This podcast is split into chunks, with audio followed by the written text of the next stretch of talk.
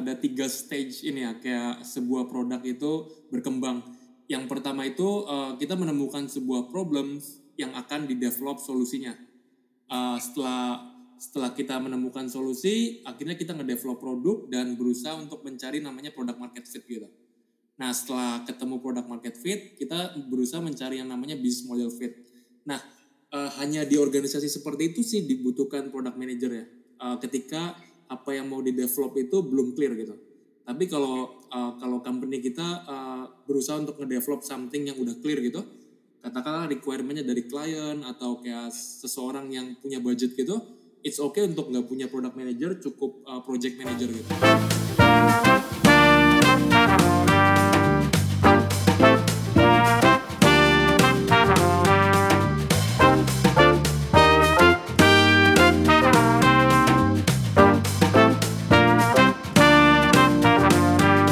Welcome to Spectrum Talks.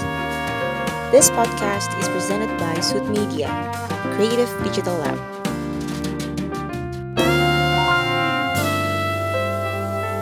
All things that were spoken in this podcast episode are purely personal opinion and do not necessarily represent view or perspective of organizations to which the guest and the host belong.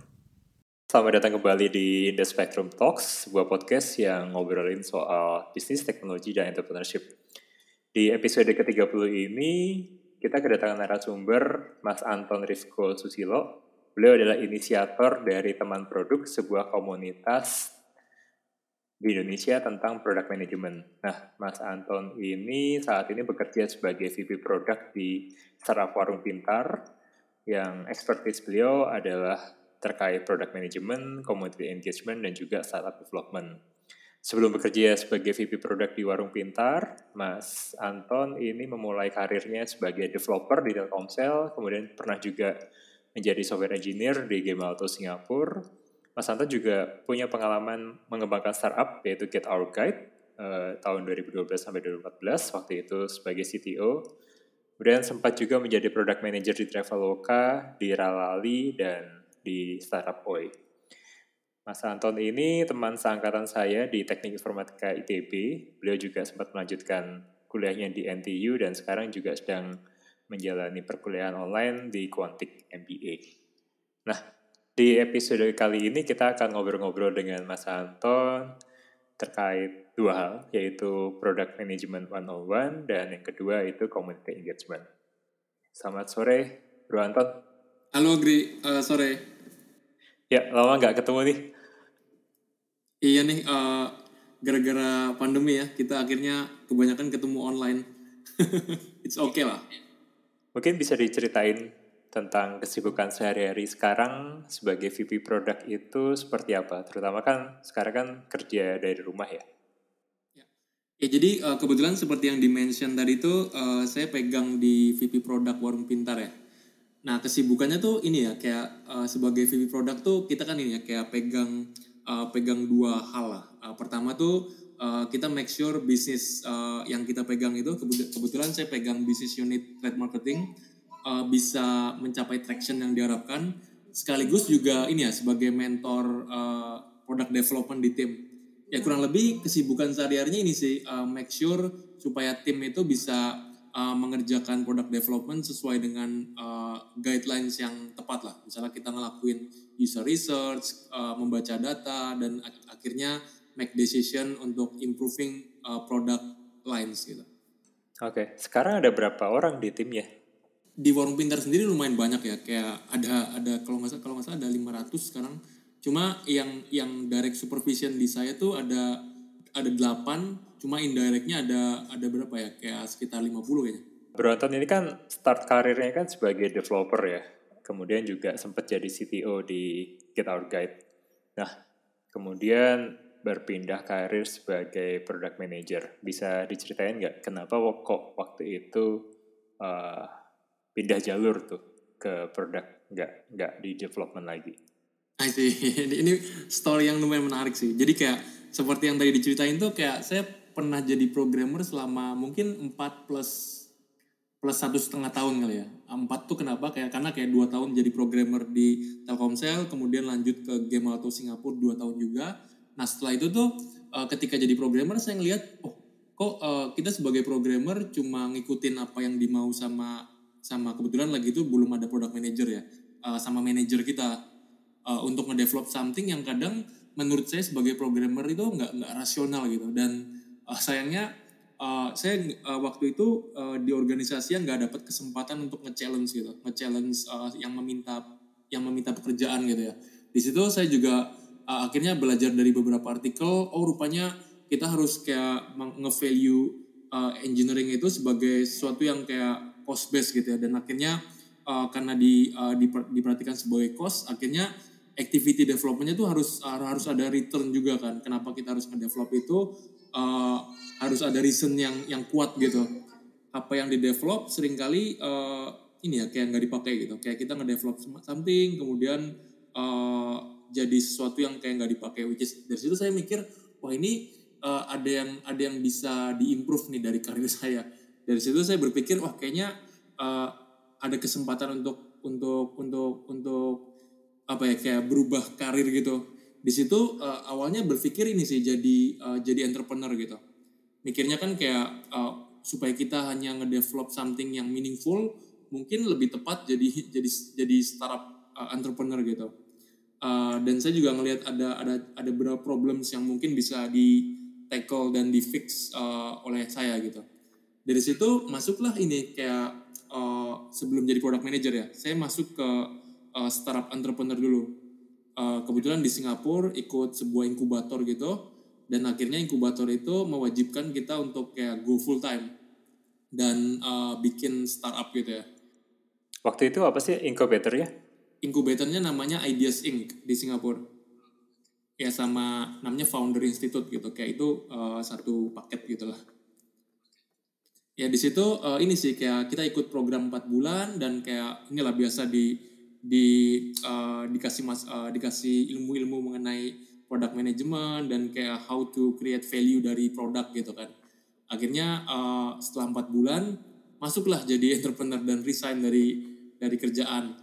Ya untungnya kayak lagi itu dapat sedikit inilah kayak funding dan akhirnya uh, bikin startup. Nah sayangnya ini kayak uh, nggak sampai dua tahun uh, nggak nggak lanjut company-nya.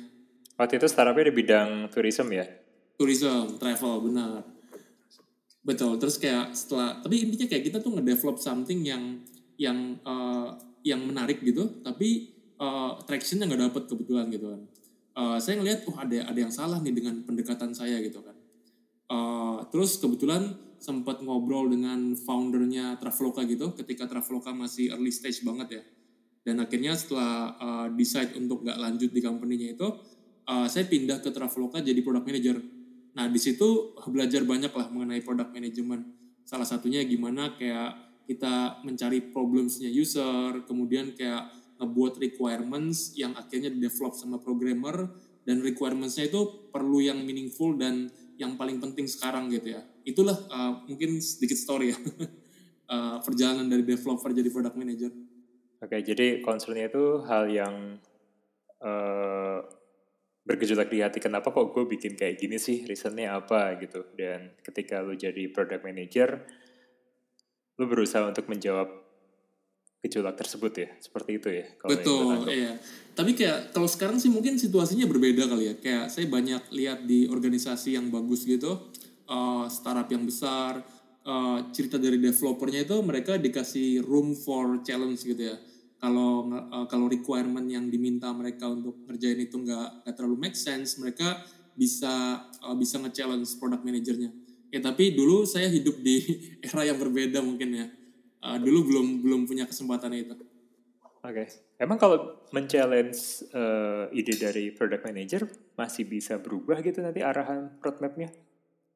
Uh, ini sih setidaknya kayak sebagai implementator lah maksudnya kayak sebagai programmer gitu kita ini kan pengen uh, pengen tahu kayak gimana sih cara berpikirnya yang bikin requirement gitu. Apakah itu udah benar? Apakah apa yang di develop, apa yang diminta untuk develop itu make sense apa kurang gitu kan. Dari situ uh, kalau ada yang ada yang kayak kita punya punya sesuatu yang mengganjal gitu sebagai programmer, kita bisa kasih masukan ke product manager kan. Tapi kayak kalau kalau rupanya masukannya itu nggak nggak diterima it's okay gitu. Tapi kayak ada kesempatan yang penting kan ya uh, sering kali saya yakin sih karena uh, zaman sekarang kan product manager banyak yang pinter-pinter ya. Uh, mereka pasti udah mikir dengan tepat dan uh, ketika di challenge dengan oleh developernya pun mereka bisa berargumen dan akhirnya ya sering kali mungkin uh, tetap jalan tapi di, di lain kesempatan mungkin ada kesempatan buat programmernya untuk kasih masukan. Oke, okay, oke. Nah, ini menarik tadi kan lu sempat mention soal organisasi ya. Nah, menurut Anton uh, untuk suatu perusahaan teknologi atau perusahaan yang membuat produk digital, bentuk organisasi seperti apa sih yang harusnya itu uh, ada tim produk manajemen sendiri kah atau itu sebenarnya nggak harus ada tim sendiri mengurusi produk manajemen? Nah ini uh, product development ini sesuatu yang menarik sih karena uh, kita tuh ngedevelop something yang belum clear ya. Maksudnya ada ada di kalau di uh, bukunya Lean Startup itu ada tiga stage ini ya kayak sebuah produk itu berkembang. Yang pertama itu uh, kita menemukan sebuah problem yang akan di develop solusinya. Uh, setelah setelah kita menemukan solusi, akhirnya kita ngedevelop produk dan berusaha untuk mencari namanya product market fit gitu. Nah, setelah ketemu product market fit, kita berusaha mencari yang namanya business model fit. Nah, uh, hanya di organisasi seperti itu sih dibutuhkan product manager ya. Uh, ketika apa yang mau di develop itu belum clear gitu. Tapi kalau uh, kalau company kita uh, berusaha untuk ngedevelop something yang udah clear gitu, katakanlah requirementnya dari klien atau kayak seseorang yang punya budget gitu, it's okay untuk nggak punya product manager, cukup uh, project manager gitu.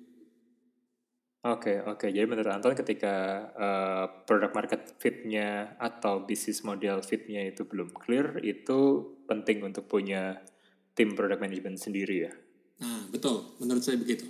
Oke. Okay. Nah, terus kan beberapa company kan ada yang uh, product management itu sampai level VP, ada juga yang sampai level chief tuh. Ya, CPO ya, Chief uh, Product Officer. Nah, menurut Anton, uh, bedanya apa sih antara satu organisasi dan organisasi organisasi yang lain? Bahkan di beberapa case kan banyak yang di bawah tim di bawah VP produk itu ada tim desain. Jadi jadi desain itu sampai head of design saja gitu. Tapi ada juga di company lain yang uh, bahkan level desain itu sampai jadi VP design gitu, benar terpisah dari product management. Kalau kalau saya ngeliatnya gini sih, Giri. Uh, kayak seberapa level suatu posisi itu ada di organisasi itu ngegambarin uh, gimana culture-nya si perusahaan itu. Katakanlah kayak uh, kalau uh, sebuah role, katakanlah role uh, engineering gitu. Uh, kalau organisasi itu ada CTO-nya, kan ada juga ya banyak perusahaan yang nggak punya CTO gitu, nggak ngerasa perlu ada CTO gitu kan. Ya itu artinya mereka nggak nggak nge-value uh, technical sebagai sesuatu yang berharga buat culture mereka kan. Nah begitu juga dengan dengan desain ataupun produk sih ada organisasi yang kayak uh, level produknya itu cukup di product manager, kemudian everyone, every product manager reports ke head of sales gitu. Nah di situ berarti ngegambarin bahwa organisasinya itu nggak nggak nggak nggak perlu punya culture produk gitu ya. Uh, begitu juga dengan desainnya. Kalau mereka cukup kayak uh, UI designer, artinya uh, culture-nya itu bukan culture design thinking loh misalnya gitu. Nah, uh, keberadaan Chief of Product Officer ini menggambarkan bahwa uh, perusahaan ini pengen banget tuh uh, punya culture product development gitu. Tapi kalau di tempat uh, Anton pernah bekerja, kebanyakan product manajemennya itu sampai ke level uh, VP atau sampai ada yang chief juga? Uh, dulu dulu kayak waktu di Traveloka juga product development itu uh, reportnya ke CEO. Tapi CEO-nya bagus, uh, dia punya mindset uh, product development ya. Artinya kayak kemas si uh, chief product officer itu dirangkap oleh seorang CEO gitu. Uh, dulu dulu ada head of product. Nah sementara kayak di di company yang sekarang itu ada uh, VP of product kan. Ya so far sih uh, belum pernah kerja di company yang ada chief uh, product officer sih. Oke okay, oke. Okay. Berarti memang kebutuhan untuk tiap perusahaan itu beda-beda ya terkait apakah perlu menempatkan seseorang di level tertentu gitu, tergantung dari culture dan mungkin value bisnis tersebut ya. Benar. Ya jadi kan founder juga punya punya uh, ini kan keinginan culture-nya mau dibentuk seperti apa kan. Menurut mereka bisa jadi uh, belum ada kebutuhan gitu. Ya, dan mungkin uh, role tersebut juga bisa di didouble sama CEO-nya atau CTO-nya ya kalau mereka memang uh, punya skill yang mumpuni. Iya sering kali gitu ya. Tapi kayak uh, kalau saya ngelihat di company mungkin di luar kali ya di Silicon Valley gitu, uh, banyak apalagi udah besar ya, kayak mereka banyak yang kayak uh, role CTO-nya atau CEO-nya pinter banget dan uh, sangat paham product development kan. Tapi mereka tetap uh, punya CPO ya karena mereka pengen punya image kali ya, image bahwa mereka tuh culture uh, company-nya itu uh, mengedepankan product development bisa jadi seperti itu ya. I see, I see. Ya kayak Facebook, uh, Google atau YouTube itu juga punya chief product kan ya? Iya. Nah anyway, kalau kita ngomongin product management itu kan biasanya ada irisan tiga hal ya, yaitu uh, teknologi, kemudian user, dan bisnis tuh. Ya, itu sih biasanya yang dijadiin diagram fan-nya ya. Teknologi, desain, sama bisnis berdasarkan pengalaman Bro Anton nih, bagaimana cara menyeimbangkan ketiga hal tersebut? Karena kan kadang itu saling tarik menarik tuh. User maunya ABCDE gitu, padahal belum tentu ABCDE itu yang menghasilkan uang atau mungkin yang visible untuk diimplementasikan gitu. Sedangkan kalau bisnis misalnya maunya ya semua yang menghasilkan cuan gitu, tapi belum tentu kan itu yang user mau atau yang teknologi itu capable gitu. Begitu juga dengan teknologi, misalnya maunya yang sangat advance gitu. Tapi bisa jadi itu belum yang saat ini dimaui oleh user atau yang belum bisa dimonetize. Nah, menghadapi uh, constraint seperti itu tuh gimana pengalaman Bro Anton? Ya, kalau kalau saya mungkin ini kali ya kayak ngelihatnya uh, di product development itu ada banyak banyak mazhab gitu atau kayak ada banyak panduan gitu ya uh, kalau saya kalau saya pandangannya lebih ke yang lean startup gitu. Jadi di di lean, startup itu uh, ngegambarin bahwa company itu ada di uh, at least dua stage gitu atau tiga stage gitu. Yang pertama itu ketika mereka menemukan ada suatu problems yang harus di solve. Nah di situ uh, mereka masuk ke solusi kan ya nggak? Solusinya apa nih? Nah kayak ketika masuk ke solusi itu kan akhirnya solusi pertama yang di develop itu belum tentu pasti benar kan akhirnya ada beberapa cycle yang perlu dilakukan dan diimprove untuk ketemu product market fit. Nah di stage ini kalau kita kerja di company yang masih di stage awal gitu, uh, bisnis itu menurut saya belum terlalu penting ya. Uh, yang penting itu teknologi sama sama user. Kita ngedevelop something yang bisa ngefix uh, problemsnya user dengan teknologi kan. Dan akhirnya beberapa cycle development. Nah hanya ketika product market fit udah terjadi, kemudian kita masuk ke bisnis model fit, barulah concern bisnis itu di, dipentingkan gitu. Kita bisa eksperimen bisnis model, kemudian kita make sure bahwa profitnya ada dan lain-lain gitu. Ya jadi uh, menurut saya dari tiga dari tiga hal tadi itu uh, bisnis, teknologi dan user itu mana yang penting dan mana yang perlu dikedepankan tergantung stage company-nya lagi ya. Bisa nggak sih kita coba achieve tiga-tiganya sekaligus pada satu waktu? Ini pertanyaan berbahaya juga ya. Kalau kita berusaha untuk kayak nge ngebalance tiga-tiganya di stage awal, stage stage awal dari startup itu bisa jadi itu jebakan yang menjurus ke company-nya nggak akan ke mana-mana gitu. Uh, karena kan kayak ketika kita uh, menjalankan company dengan mode startup, kita harus uh, dengan cepat tuh menemukan product market fit tuh. Product market fit artinya apa sih solusi yang disukain sama user dan bisa ngefix mereka kan kalau kita terlalu banyak ngurusin kepentingan bisnis atau kayak uh, misalnya kayak bisnis model gitu, nanti uh, akan terhambat tuh uh, produk market fit ya gitu. Nah jadi kayak kalau menurut saya di balance-nya nanti aja ketika stage-nya dan waktunya udah tepat gitu. Udah tepat tuh maksudnya traction-nya udah siap untuk dimonetize gitu.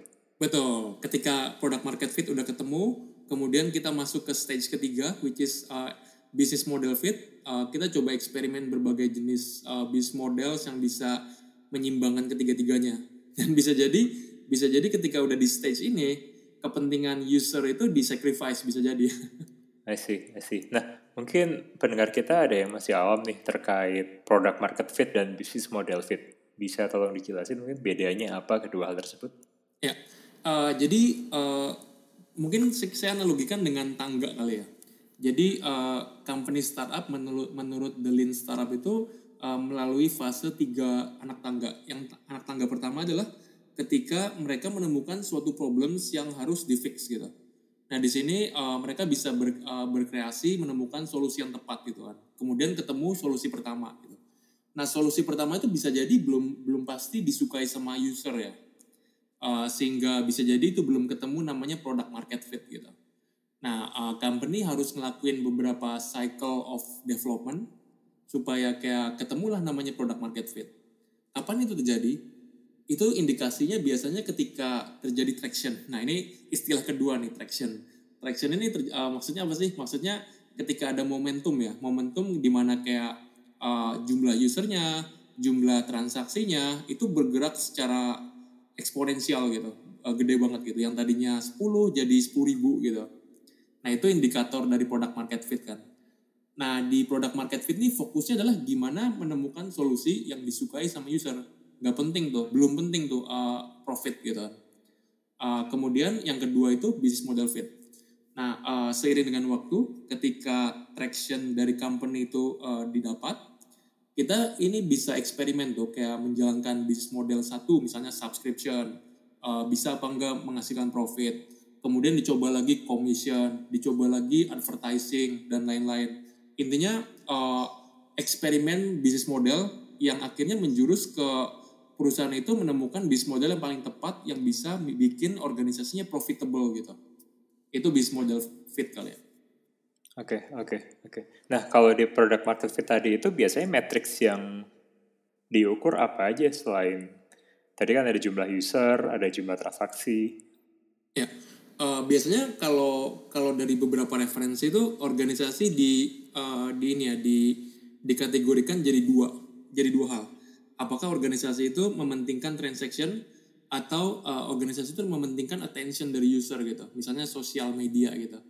Nah kalau organisasi kita itu uh, masuk ke kategori yang uh, pertama itu transaction artinya yang penting dua. Yang penting adalah kayak gimana make sure bahwa user base-nya itu gede user base itu didapat dengan uh, akuisisi user baru dan retention user yang lama dan yang kedua itu uh, gimana make sure bahwa orang-orang yang masih ada di dalam user base itu ngelakuin transaksi, transaksi dengan sering gitu. Uh, nah sementara uh, yang kedua itu ketika gamenya adalah attention base, misalnya sosial media Facebook gitu. Nah di situ berarti yang yang paling penting dua uh, user base, user base sekali lagi uh, akuisisi user baru dan retention user lama. Dan yang kedua adalah kayak uh, daily active user dan monthly active usernya harus uh, harus banyak gitu. Oke, okay. nah berdasarkan uh, pengalaman Anton, kebanyakan startup yang sukses itu yang lebih mementingkan yang mana ya? Uh, nah uniknya nih kayak di Indonesia ya, kalau di Indonesia hampir semua company itu, hampir semua startup itu uh, gamenya adalah transaction. Ya jarang banget kita ngelihat ada uh, startup di Indonesia yang gamenya adalah ini ya kayak attention dari user ya. Uh, beda dengan kayak di US atau di uh, Asia Utara gitu Asia Timur gitu banyak yang bikin sosial media atau kayak chat application gitu ya. Di situ kan yang penting adalah kayak attention user kan seberapa sering usernya menggunakan aplikasi gitu ya di Indonesia uh, kebanyakan transaction artinya jumlah transaksi dengan jumlah user itu penting banget sih. Padahal kan dulu kita punya kaskus ya, yang kadang orang spend waktu banyak banget di sana, tapi itu nggak nggak nggak nggak kedengeran lagi kayaknya sekarang. Oh iya kaskus ya, itu uh, legend sih, legend ya, legend startup di Indonesia. Kayaknya belum ada yang nyaingin kaskus dalam hal attention ya.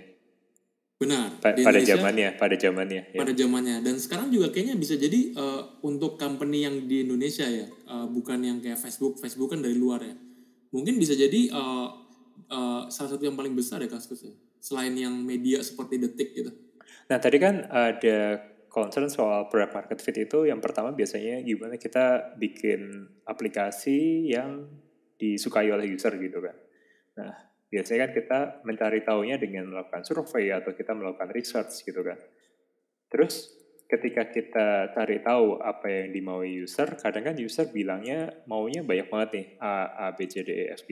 Padahal kan nggak semua yang dikatakan user itu tuh mau, itu tuh valuable gitu. Nah, gimana caranya Anton memilah-milah antara mana kemauan user yang valuable dan mana yang tidak gitu.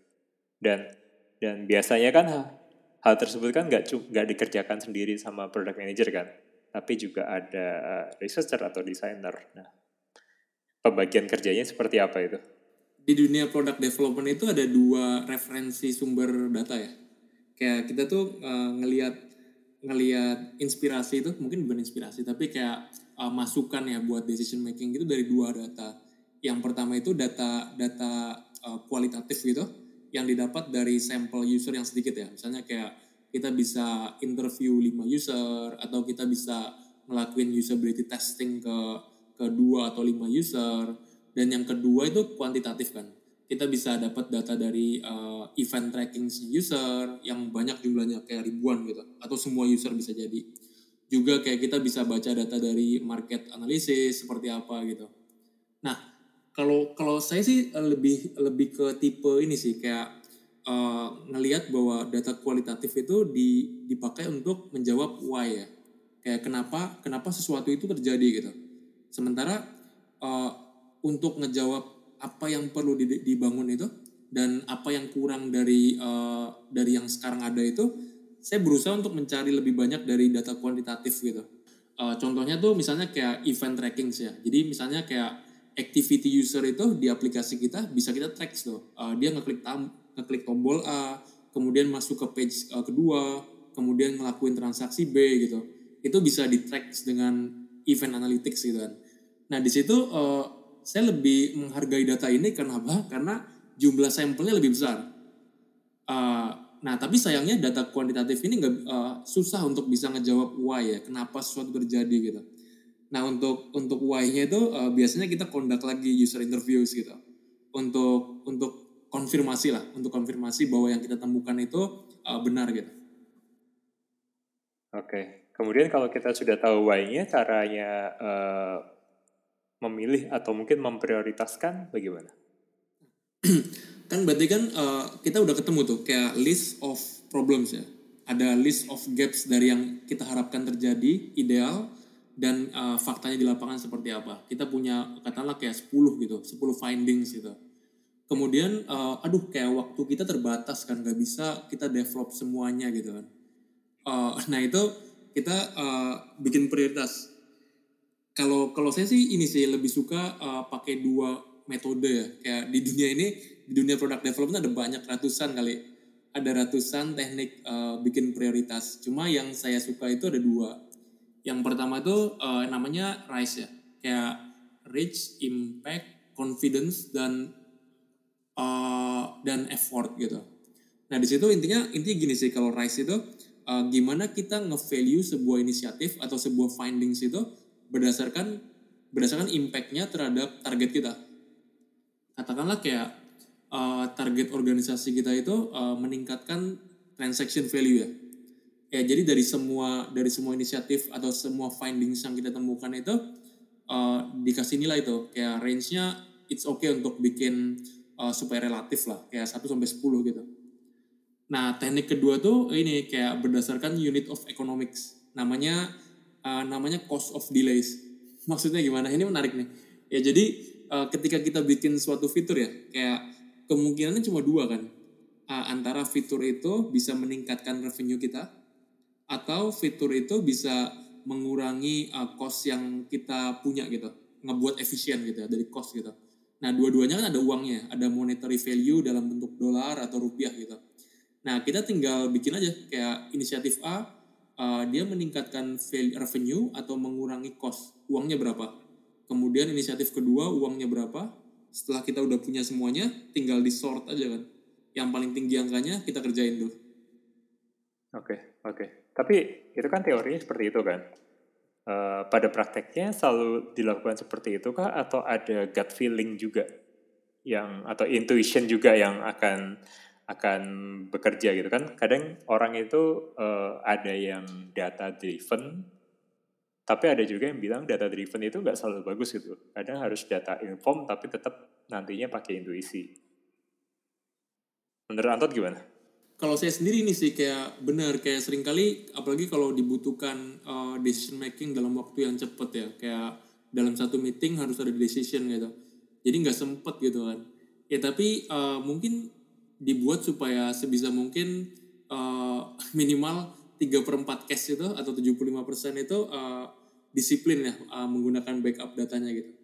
Uh, apalagi kalau di organisasi produk itu biasanya uh, kan banyak yang punya mindset product development ya. Di situ uh, orang bisa nge-challenge kita kan. Kenapa kita mementingkan project A gitu. Nah kalau kita banyak pakai intuisi nanti susah sih ngejawabnya. Uh, ngasih reason ke ke rekan sejawat tuh susah gitu. Jadi uh, datanya itu penting banget ketika kita mau argue dengan rekan sejawat ya bahwa oh ini harus diprioritasin ini data da, datanya mana gitu. Benar kayak kan kayak saya, saya, saya sendiri kayak pengen supaya kayak uh, situasi di organisasi itu ideal gitu uh, by the book lah. Kalau kita sendiri nggak ngejalin by the book jadinya nggak ideal ya. Tapi pernah nggak sih kayak uh, Anton melakukan riset yang panjang gitu terhadap mungkin behavior dari user atau kebutuhan dari user dan punya hipotesis bahwa oh ini kayaknya user ini butuh fitur A atau butuh produk A. Tapi setelah dilakukan research yang cukup panjang, ternyata produknya itu tuh nggak nggak nggak valid gitu dan akhirnya nggak jadi diimplementasikan. Pernah nggak ada pengalaman seperti itu? Ya sering sih, terutama di uh, early careers ya. Jadi uh, dulu kan kayak pas zaman-zaman pertama kali masuk ke dunia product development ya, kita banyak banyak baca referensi yang ideal ya kayak kemudian intinya kayak uh, kalau research tuh harus dalam harus panjang gitu kan terus akhirnya kita mengaplikasikan itu kan researchnya bisa kayak seminggu dua minggu sebulan gitu nah seiring dengan waktu uh, ada juga kayak hasil research yang uh, setelah di setelah di pitch ke head of product atau rekan sejawat rekan sejawat akhirnya nggak berujung ke something yang interesting gitu kan Nah dari situ ini sih saya belajar sih uh, bahwa kayak intinya uh, research itu harus harus gradual juga ya. Jadi jangan jangan ambisius untuk uh, langsung termotivasi nge-research something yang deep di, di, di depan gitu. Uh, kemudian di di akhir baru ketahuan bahwa researchnya itu nggak berguna gitu. Ya sekarang ini sih saya belajar bahwa idealnya research itu kayak perlu gradual. Di awal itu perlu uh, sedikit dulu, kemudian ketika menjurus ke something yang lebih interesting, kita bisa masuk lebih dalam gitu. Gradual ini itu dalam konteks kayak uh, jumlah pertanyaannya, seberapa dalam pertanyaannya, seperti itu kah? Benar, benar. Uh, lebih ke waktunya sih. Uh, kan kadang kayak kita bisa ngelakuin ini ya kayak uh, thought simulation gitu di dalam otak gitu, kemudian didokumentasikan cukup dalam ya, cukup dalam tapi uh, cuma kelar uh, dua jam gitu. Itu mungkin bisa dibilang ya cepet lah tapi sering kali juga ada something yang belum clear apa yang harus di research sehingga kita harus nge-research mau nge-research apa gitu ya di situ uh, kadang bisa makan waktu tiga minggu dua minggu tiga sebulan gitu nah yang ini yang uh, perlu dipertanyakan sih kalau menurut saya ya jadi kayak uh, perlu lebih gradual gitu dibanding kita mau komit langsung di depan kita nge-research sebulan gitu misalnya nah ngomong-ngomong soal tadi kan uh, yang uh, tiga aspek product management ya. Ada user, ada teknologi, dan ada bisnis. Nah, yang kedua kan soal teknologi. Kalau kita lihat, ya Anton kan backgroundnya developer, dan mungkin aku agak bias ya, tapi circleku, teman-teman product manager yang bagus itu biasanya punya background development. At least ngerti soal coding lah dikit-dikit. Uh, menurut Anton, seberapa krusial sih pentingnya uh, skill development buat seorang product manager? Ya, kalau ini mungkin subjektif juga kali ya. Kalau menurut saya uh, pengetahuan dalam di technical itu uh, software development itu relatif uh, negligible ya kepentingannya, nggak terlalu penting gitu kalau menurut saya. Bahkan itu menjurus ke something yang berbahaya gitu. Uh, terutama kalau product manajernya itu nggak bisa ganti topi. Maksudnya gimana? Kayak ketika dia uh, jadi product manager, dulunya programmer, dia berpikir sebagai programmer gitu. Nanti uh, kreativitasnya terbatas dengan oh ini mungkin di develop, itu nggak mungkin di develop gitu. Nah sementara uh, buat teman-teman product manager yang backgroundnya itu di consulting, di operation, di finance itu mereka nggak punya limitasi ini. Ya sering kali jadinya mereka uh, punya advantage atau kelebihan di situ ya. Karena uh, thinkingnya itu bisa ber, uh, bisa out of the box banget gitu, kreatif gitu. Nah, sementara uh, uh, kemampuan atau kayak experience sebagai programmer itu pentingnya ini sih untuk ngebuat bonding ya, untuk ngebuat ngebuat bonding dengan programmer Uh, jadi kita bisa berempati bahwa apa yang di develop itu beneran susah. Kemudian kayak ketika mereka uh, argumen itu kita bisa paham apa yang di raise gitu. Tapi di luar itu menurut saya nggak terlalu penting sih. Oke, okay. nah kalau kayak gitu berarti pertanyaanku ada dua nih selanjutnya. Buat product manager yang punya background technical gitu, gimana biar mereka bisa berpikir lebih luas gitu supaya nggak nggak terkungkung dengan hal-hal yang teknikal. Dan yang kedua, buat teman-teman yang backgroundnya itu bukan teknikal, misalnya dari consulting atau mungkin dari uh, market research atau mungkin malah dari uh, customer service gitu, kalau mereka jadi product manager, gimana caranya mereka bisa lebih uh, bonding dengan developer gitu. Karena kan kalau mereka punya ide yang bagus tapi tidak bisa berkomunikasi dengan baik dengan developer kan juga susah nanti untuk develop produknya. Ya jadi uh, saya mungkin mau ngejawabnya dengan cara gini kali ya, kayak di uh, di dunia profesional karir itu ada ada istilah namanya T-shape ya, T-shape uh, personal gitu, uh, profesional gitu. Di mana artinya kayak uh, T-shape uh, person itu uh, dia punya knowledge yang dalam di suatu hal, tapi dia kayak uh, punya punya area T-nya itu yang punya knowledge yang dalam eh yang gak yang gak terlalu dalam gitu, uh, tapi jangan terlalu surface gitu di area lain. Katakanlah ada ada seorang programmer yang dia tuh uh, paham sekali mengenai finance mengenai investment. Kemudian dia paham sekali mengenai uh, katakanlah kayak uh, apa ya misalnya teknik teknik valuation company gitu. Itu artinya seorang uh, T-shape person ya dan uh, menurut saya itu itu penting sih kayak uh, di buat buat programmer ataupun non programmer ya. Uh, untuk bisa uh, punya apa ya kesempatan atau kayak kemampuan untuk bisa berpikir out of the box gitu. Uh, jadinya uh, mindset dia tuh nggak ter nggak tercover cuma di kotak itu doang gitu. Uh, itu kan mungkin teorinya ya. Prakteknya gimana ya biar biar bisa berpikir yang lebih luas gitu. Apakah ada training-training khusus atau mungkin ada buku bacaan yang Anton rekomendasikan gitu buat teman-teman product manager yang backgroundnya itu technical? Eh kalau kalau referensi buku sih mungkin ada dua ya yang, yang saya suka. Yang pertama tuh ini kayak ada ada buku namanya Inspired uh, itu pengarangnya itu namanya Marty Shagan ya. Dia bikin komunitas namanya Silicon Valley Product Group SVPG. SVPG. Yang kedua tuh paling The Lean Startup. Nah, Lean Startup ini uh, ngejelasin apa ya kayak stage company, kemudian kayak apa yang perlu di develop dalam suatu stage company itu. Nah, kalau yang sebaliknya nih, yang backgroundnya itu non technical supaya dia bisa berkomunikasi dengan developer itu dengan lebih baik gitu. Ada kayak buku-buku yang direkomendasikan nggak?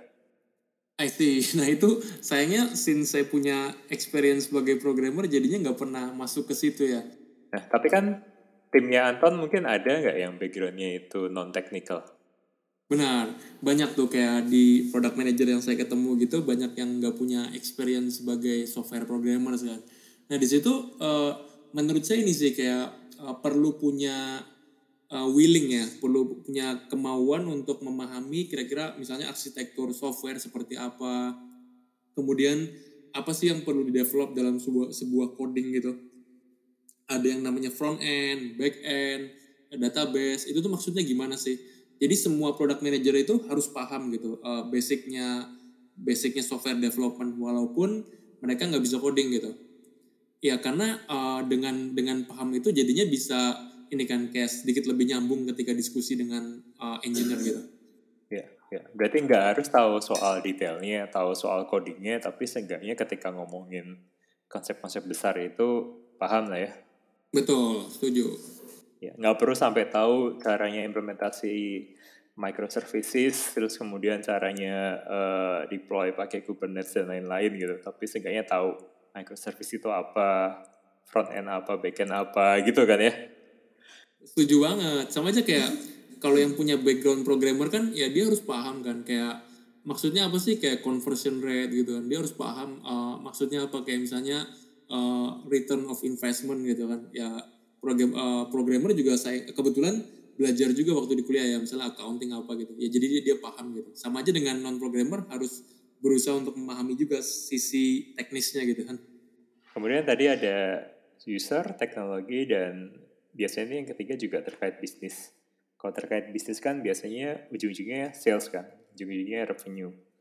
Uh, pengalaman Anton selama ini sebagai product manager gimana berkolaborasi dengan tim sales untuk memastikan nih produk yang dibikin itu tuh bisa achieve business model fit. Kan kayak product manager itu banyak yang banyak yang bilang product manager adalah mini CEO ya. Ya kalau CEO kan harus punya skill sales lah. Ya, jadi kayak uh, kalau si CEO-nya itu nggak punya skill sales jelek banget ya. Ya artinya ini juga mirip juga ya, since PM itu mini CEO, uh, at least PM-nya harus punya mindset sales, uh, walaupun dia nggak jualannya. Ya. Di situ uh, gimana ya, kayak diskusi yang berkelanjutan gitu, katakanlah kayak uh, dibuat diskusi rutin dengan tim sales uh, by weekly uh, atau weekly discussion gitu, itu penting tuh. Untuk make sure bahwa apa yang kita develop di produk itu dipahamin sama sales dan dan orang produk juga paham tuh uh, targetnya tim sales seperti apa sih sehingga kayak bisa implement produknya itu sejalan dengan uh, targetnya sales gitu. Oke okay, oke. Okay. Tapi pernah nggak uh, ada pengalaman uh, develop suatu fitur dan fitur itu tuh atau develop suatu produk dan fitur atau produk tersebut itu bisa enable sales stream yang cukup besar gitu? Iya lumayan lumayan sering ya. Kan terutama kayak di produk itu pasti ngedevelop something yang berguna buat bisnis ya. ya atau kayak bisa bisa naikin revenue atau bisa mengurangi cost gitu kan. Hmm. Ada sesuatu yang non konfidensial yang bisa di share gak? Iya mungkin something yang interest interesting tuh gini sih Gri. Uh, misalnya gini kayak uh, ada satu bisnis gitu, uh, bisnis case gitu yang sekarang tuh dijalankan secara nggak scalable ya. Uh, kemudian kayak dengan sebuah produk yang kita develop gitu beberapa proses tuh bisa dibuat lebih scalable. Contohnya gini uh, ada pembayaran gitu ya. Pembayaran itu misalnya bisa ditanganin sama tim finance gitu. Uh, itu bisa misalnya kayak ada ada 30 orang admin gitu. Kemudian kayak uh, 30 orang admin ini bisa ngeproses pembayaran selama lima hari misalnya. Itu kan kayak uh, lama ya dengan suatu fitur akhirnya kita develop uh, pembayaran bisa di tackle dalam hitungan menit dan membutuhkan orang yang lebih sedikit gitu. Nah itu kan akhirnya uh, since processingnya itu lebih cepat, kita bisa uh, bisa menerima sales yang lebih banyak jadinya gitu. Ya hal-hal seperti itu sih yang lebih sering ya. Jadi kayak kita nge nge-optimize sebuah bisnis proses yang udah ada, kemudian dibuat lebih efisien gitu. Nah kalau uh, request tim sales yang mungkin agak bertolak belakang dengan user atau teknologi itu ada nggak? Tadi kan sempat mention tuh di awal, kadang ketika kita masuk ke fase business model fit, kepentingan terkait uh, sales atau business development itu kadang over kepentingan atau kemauan user. Mungkin uh, saya pakai analogi yang saya baca aja kali ya. Tapi saya kebetulan nggak pernah kerja di company ini. Uh, dulu tuh ada ada cerita namanya kayak company masih ada sampai sekarang namanya booking.com ya jadi di booking.com tuh uh, company yang sangat pasti kan udah ini ya udah kayak uh, scale-nya besar gitu mereka punya target grow yang tinggi sekali gitu kan. Uh, nah kemudian uh, mereka banyak ngelakuin kayak testing eksperimen uh, bisa jadi di fitur atau bisa jadi eksperimen di uh, sales uh, proses gitu ya. Uh, dalam bentuk A/B test atau kayak single test gitu ya. Nah uh, beberapa case tuh gini kayak uh, mereka ngebuat testing. Testingnya tuh asalkan bisa meningkatkan revenue lebih besar uh, kepentingan user tuh nomor dua gitu. Ya jadi uh, simpelnya tuh misalnya kayak ada A/B test gitu. A/B test ini uh, kemudian kayak dites tuh apakah dia bisa meningkatkan uh, traffic lebih besar gitu. Uh, ada ada desain yang bagus secara user gitu user experience. Ada desain yang kurang oke okay, gitu Nah kalau rupanya yang nomor dua yang kurang oke ini yang lebih perform, dia bakal pakai itu. Nah ini ini lumayan lumayan menarik sih karena uh, ada beberapa artikel dan dan kayaknya ada buku juga yang nge-cover ini ya. Nah di situ ini sih kayak uh, salah satu story product development ya.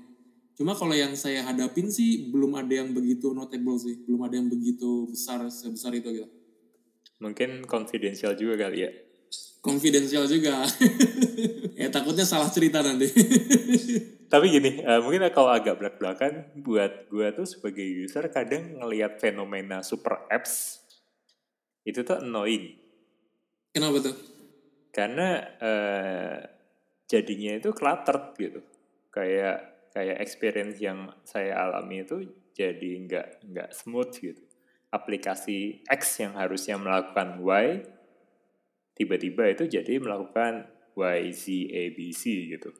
Yang mana secara bisnis menurutku ya itu bagus gitu karena akan membuka beberapa revenue stream. Tapi buat user jadinya kayak eh ini ngapain sih? Kenapa jadi uh, banyak hal-hal receh dan menurunkan experience? gitu.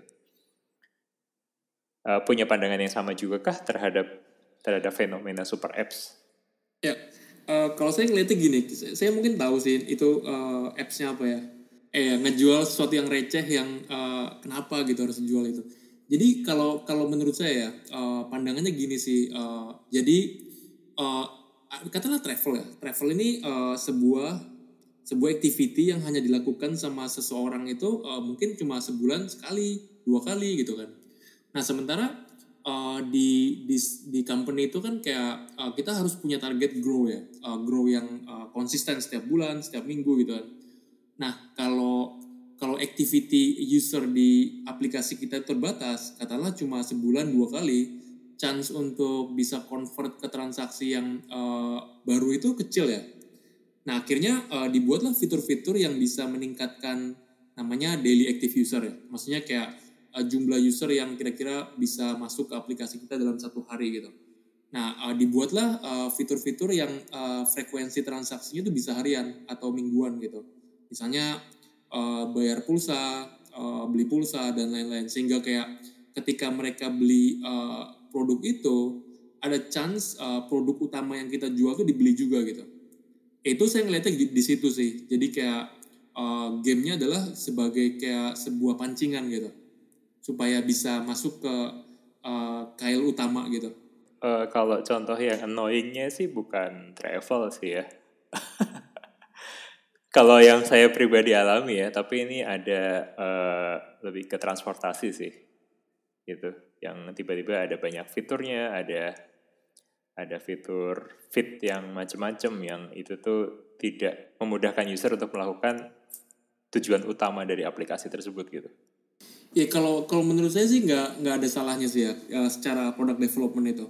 Kenapa? Uh, jadi um, berpikirnya gini sih kalau menurut saya kayak uh, ketika kita masuk ke sebuah company produk gitu, uh, kita perlu ngelakuin eksperimen kan. Eksperimen tuh jadi maksudnya gini kayak suatu hal itu nggak ada yang benar sampai dibuktikan benar gitu. Ya jadi uh, seperti contoh yang uh, saya sebut tadi itu ada company travel dari Europe ya. Uh, itu uh, ngelakuin eksperimen uh, dalam satu waktu bisa puluhan, ratusan mungkin eksperimen dalam satu hari gitu. Uh, dengan goal ya bisa meningkatkan revenue, meningkatkan active user atau meningkatkan transaction gitu. Dan uh, eksperimennya bisa sekonyol itu gitu. Ada yang benar-benar mungkin uh, masuk akal, ada yang bisa jadi kurang masuk akal, kurang intuitif gitu. Nah kemudian mereka jalankan eksperimennya, dites di market seperti apa hasilnya. Uh, kemudian uh, keputusan dibuat dari dari hasil market gitu. Uh, kalau kalau numbersnya bagus, uh, improving itu yang bakal dipakai kalau kalau declining itu yang bakal ditinggalkan ya mungkin dari dari uh, thought proses seperti itu jadinya wajar gitu mungkin Oke okay, oke okay. intinya sih uh, idealnya pasti setiap keputusan itu ada data yang yang jadi backup ya benar bisa jadi rasional ketika nanti arguing dengan peers atau dengan usernya sendiri pun harusnya bisa bisa berargumen benar ya soal community management nih, ini kan Brunton sekarang aktif banget uh, di komunitas yang lagi dibikin, namanya teman produk. Nah, bisa tolong diceritain nggak tentang teman produk itu apa? Ya, eh jadi uh, so far saya udah jadi product manager tuh uh, lebih dari lebih dari empat tahun ya, lebih dari empat tahun. Intinya kayak uh, berusaha untuk ini kan, kayak di awal itu berusaha untuk belajar gitu, kayak dan improving uh, knowledge mengenai product development uh, bahkan sampai sekarang juga saya terus mau belajar gitu nah uh, sering kali referensinya ini kan kayak di luar ya kayak di US itu ada Silicon Valley Product Group gitu uh, mereka punya community gitu aktif kita bisa nanya dan dijawab gitu kan dengan uh, oleh orang yang udah tahunan puluhan tahun di product development gitu. Nah uh, ketika masuk ke dunia product manager di Indonesia itu kayak nggak nggak menemukan uh, komunitas yang bisa seperti itu ya. Uh, akhirnya saya ini ya kayak oh kayaknya ini perlu nih setelah diskusi dengan beberapa teman gitu uh, orang-orang yang udah uh, beberapa tahun di product development itu uh, bisa nge-share ini kan bisa nge-share experience-nya mungkin ke teman-teman yang baru mau masuk. Dan mungkin teman-teman yang baru mau masuk pun kalau dia ada pertanyaan bisa nanya dong kayak ke yang lain gitu kan. Mengenai jawabannya benar apa enggak urusan urusan kedua kan. Yang penting ada ada second opinion gitu. Nah, uh, inisiatif awalnya begitu sih, Gri. Uh, jadi kita mau bikin wadah ya buat kayak seorang product manager gitu untuk untuk bisa uh, diskusi, curhat dan apa pun gitu yang dimau gitu.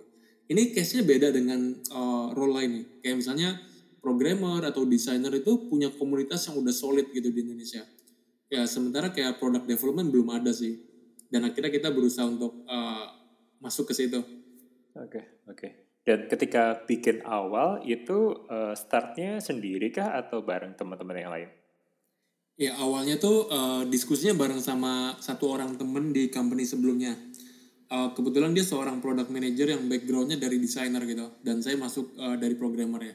Di situ kita diskusi dan kayak uh, lumayan sering diskusi, uh, akhirnya berujung ke inisiatif community ini. Oke, okay, oke. Okay. Nah, pertama kali yang dibikin kan pasti kontennya dulu ya waktu itu ya?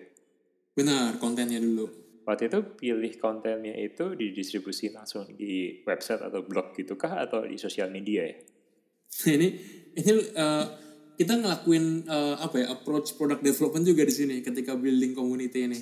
Jadi uh, kita kan berdua, kemudian waktu kita terbatas banget lah. Kayak uh, seorang product manager tuh biasanya waktunya dikit banget lah karena harus uh, diskusi dengan tim A, tim B dan lain-lain kan.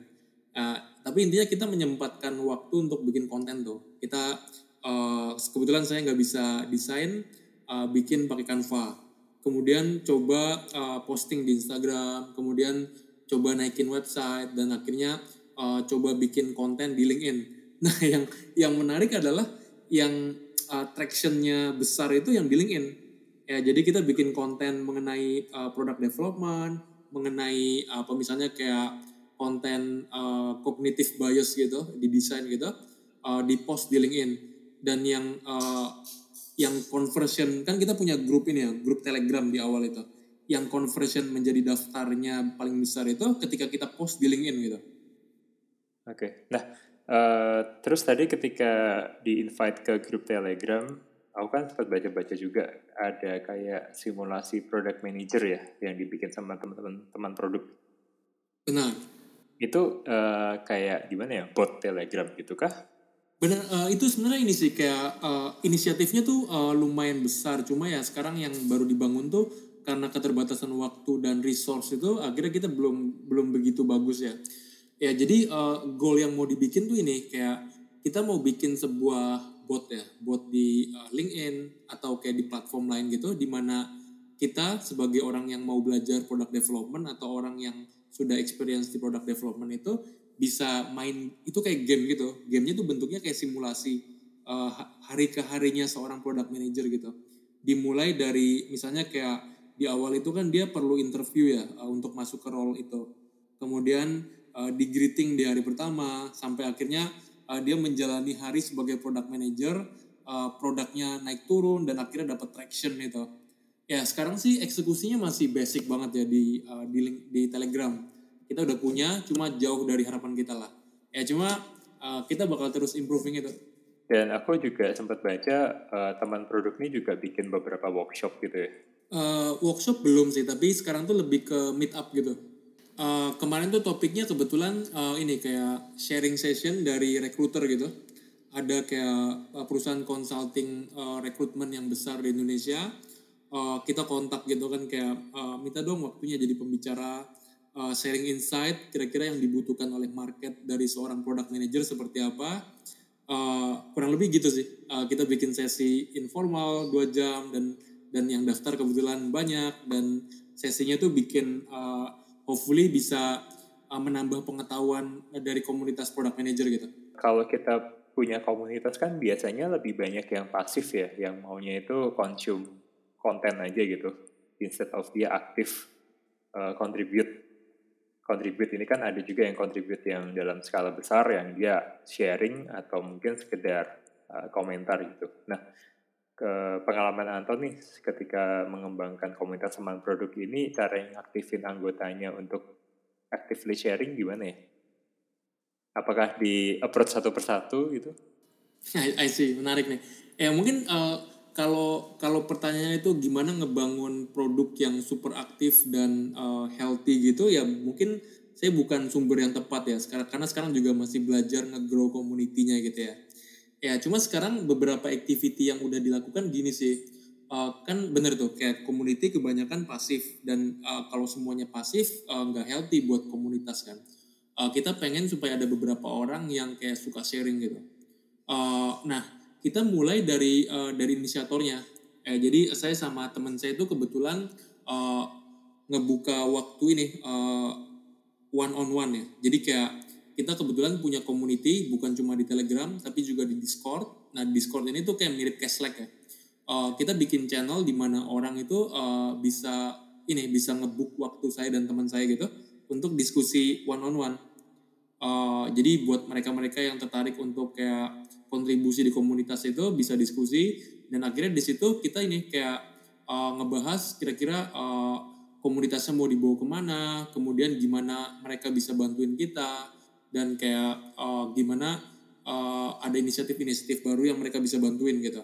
Nah dari situ uh, pelan-pelan rupanya ini kayak banyak sekali yang antusias, banyak sekali yang punya pandangan yang mirip dengan kita gitu, uh, inisiator gitu, bahwa ada kebutuhan komunitas di product manager ya. Dan secara organik itu mereka akhirnya uh, willing untuk sharing something gitu. Ya walaupun uh, level level komitmen sharing itu uh, masih bisa diimprove lah intinya ke depannya uh, untuk bikin komunitas ini kan pasti butuh effort ya, uh, entah itu waktu atau biaya gitu.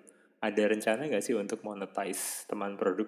Untuk komunitasnya sendiri sekarang masih non profit sih sampai waktu yang tidak terbatas ya. Uh, belum ada rencana untuk making money dari situ. Uh, saya ngeliatnya gini kayak uh, kita tuh punya problems yang uh, besar ya. Kayak kalau kita udah udah mikirin uang di awal, akhirnya kayak uh, rencana idealnya itu nggak tercapai gitu. Rencana idealnya apa sih? Uh, kita pengen supaya kayak pemikiran design thinking di uh, kalangan profesional Indonesia itu uh, didapat ya. Kayak uh, product manager, programmer, designer, orang sales, marketing tuh punya mindset design thinking, punya mindset product development. Itu goal kita lah uh, pada akhirnya ya. Kalau kita uh, ujung-ujungnya eh maksudnya kalau kita di awal-awal udah udah mikirin uang dan lain-lain malah jadi nggak bisa ideal gitu itu sih kayak kita mikir belum belum ke uh, belum ke situ tapi kayak uh, gimana bisa nge-grow community-nya bisa lebih besar dan bisa lebih ngebantu komunitas product manager bisa uh, lebih bagus lagi ke depan gitu. Tapi Anton juga bergabung dengan komunitas produk lainnya nggak sih? Kan tadi menyebutkan beberapa komunitas produk di US tuh. Sempet join nggak? Uh, join join. Jadi ada ada beberapa community yang saya ikut sih. Uh, yang ada tiga singkat saya. Ada product school itu punya Slack group kalau nggak salah ya. Kemudian ada product tank juga sama Slack group. Uh, yang ketiga tuh ini uh, dari founder dari pemilik penulis bukunya uh, Inspired itu Marty Shagan. Dia bikin Silicon Valley product uh, product group. Itu lumayan uh, produktif sih uh, nge-share konten-konten yang berguna buat product manager gitu. Oke, dan itu yang aktif nggak cuma inisiatornya aja, tapi anggota yang lain juga aktif ya? Kelihatannya malah inisiatornya udah nggak aktif di sana. Mereka cuma jadi moderator gitu. Which is bagus ya jadinya. Ya, bisa lebih scalable kayak gitu ya. Dan itu jadi jadi benchmarknya teman produk juga ya. Hopefully bisa ke arah situ nantinya. Nah, ini uh, last question nih, penutup dari episode ini. Ada nggak tips dari Bro Anton buat temen-temen yang mungkin sedang memulai karirnya supaya menjadi product manager yang baik? Saya mungkin bisa jadi uh, masukan dari saya itu benar, bisa jadi salah karena saya masih belajar juga lah walaupun udah sekian tahun jadi product manager. Cuma saya coba share ya.